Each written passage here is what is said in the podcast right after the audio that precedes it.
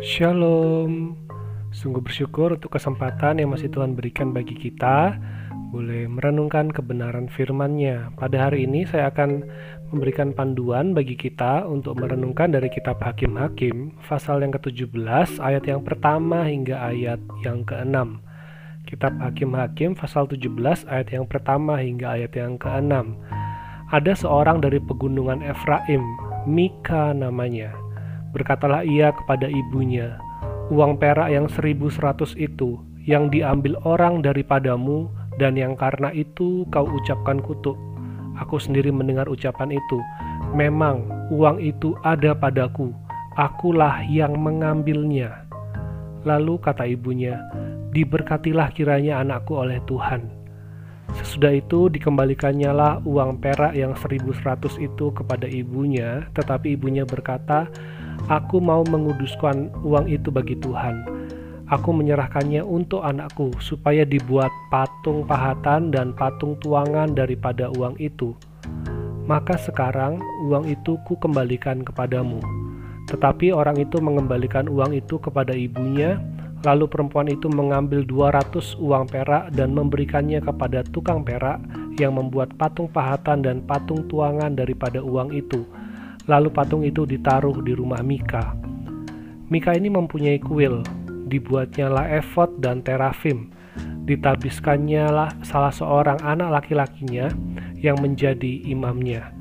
Pada zaman itu tidak ada raja di antara orang Israel. Setiap orang berbuat apa yang benar menurut pandangannya sendiri. Kita menjumpai satu tokoh baru lagi di zaman hakim-hakim, Mika namanya. Mika sendiri berarti seperti Allah atau menyerupai Tuhan.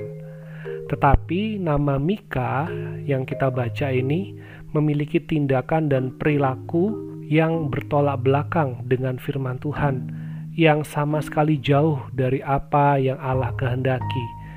Ayat 2 menunjukkan bahwa ia adalah seorang pencuri. Bahkan ia mencuri apa yang menjadi kepunyaan ibunya. 1100 uang perak ia curi dan ia akui. Kemudian ia juga melakukan penyembahan berhala. Ia membuat penyembahannya sendiri.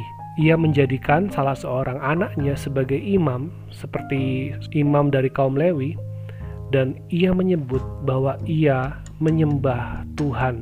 Ia menyembah Yahweh Allah Israel, tetapi ia melakukan penyembahan menurut kehendak hatinya sendiri, tidak menurut dengan firman Tuhan. Mika tidak menyembah Baal. Ia juga tidak menyembah dewa-dewa Kanaan lainnya. Tetapi ia membuat penyembahan yang sama yang dilakukan terhadap Tuhan Allah Israel. Ia membuat patung dan mengatakan bahwa ia menyembah Tuhan, padahal jelas-jelas membuat patung itu melanggar hukum kedua dari sepuluh perintah Allah. Kemuliaan Allah tidak dapat disamakan dengan apa pun buatan manusia. Tetapi Mika dan orang-orang sejamannya di zaman hakim-hakim itu berbuat apa yang benar menurut pandangannya sendiri. Ini menjadi satu peringatan bagi kita di hari ini.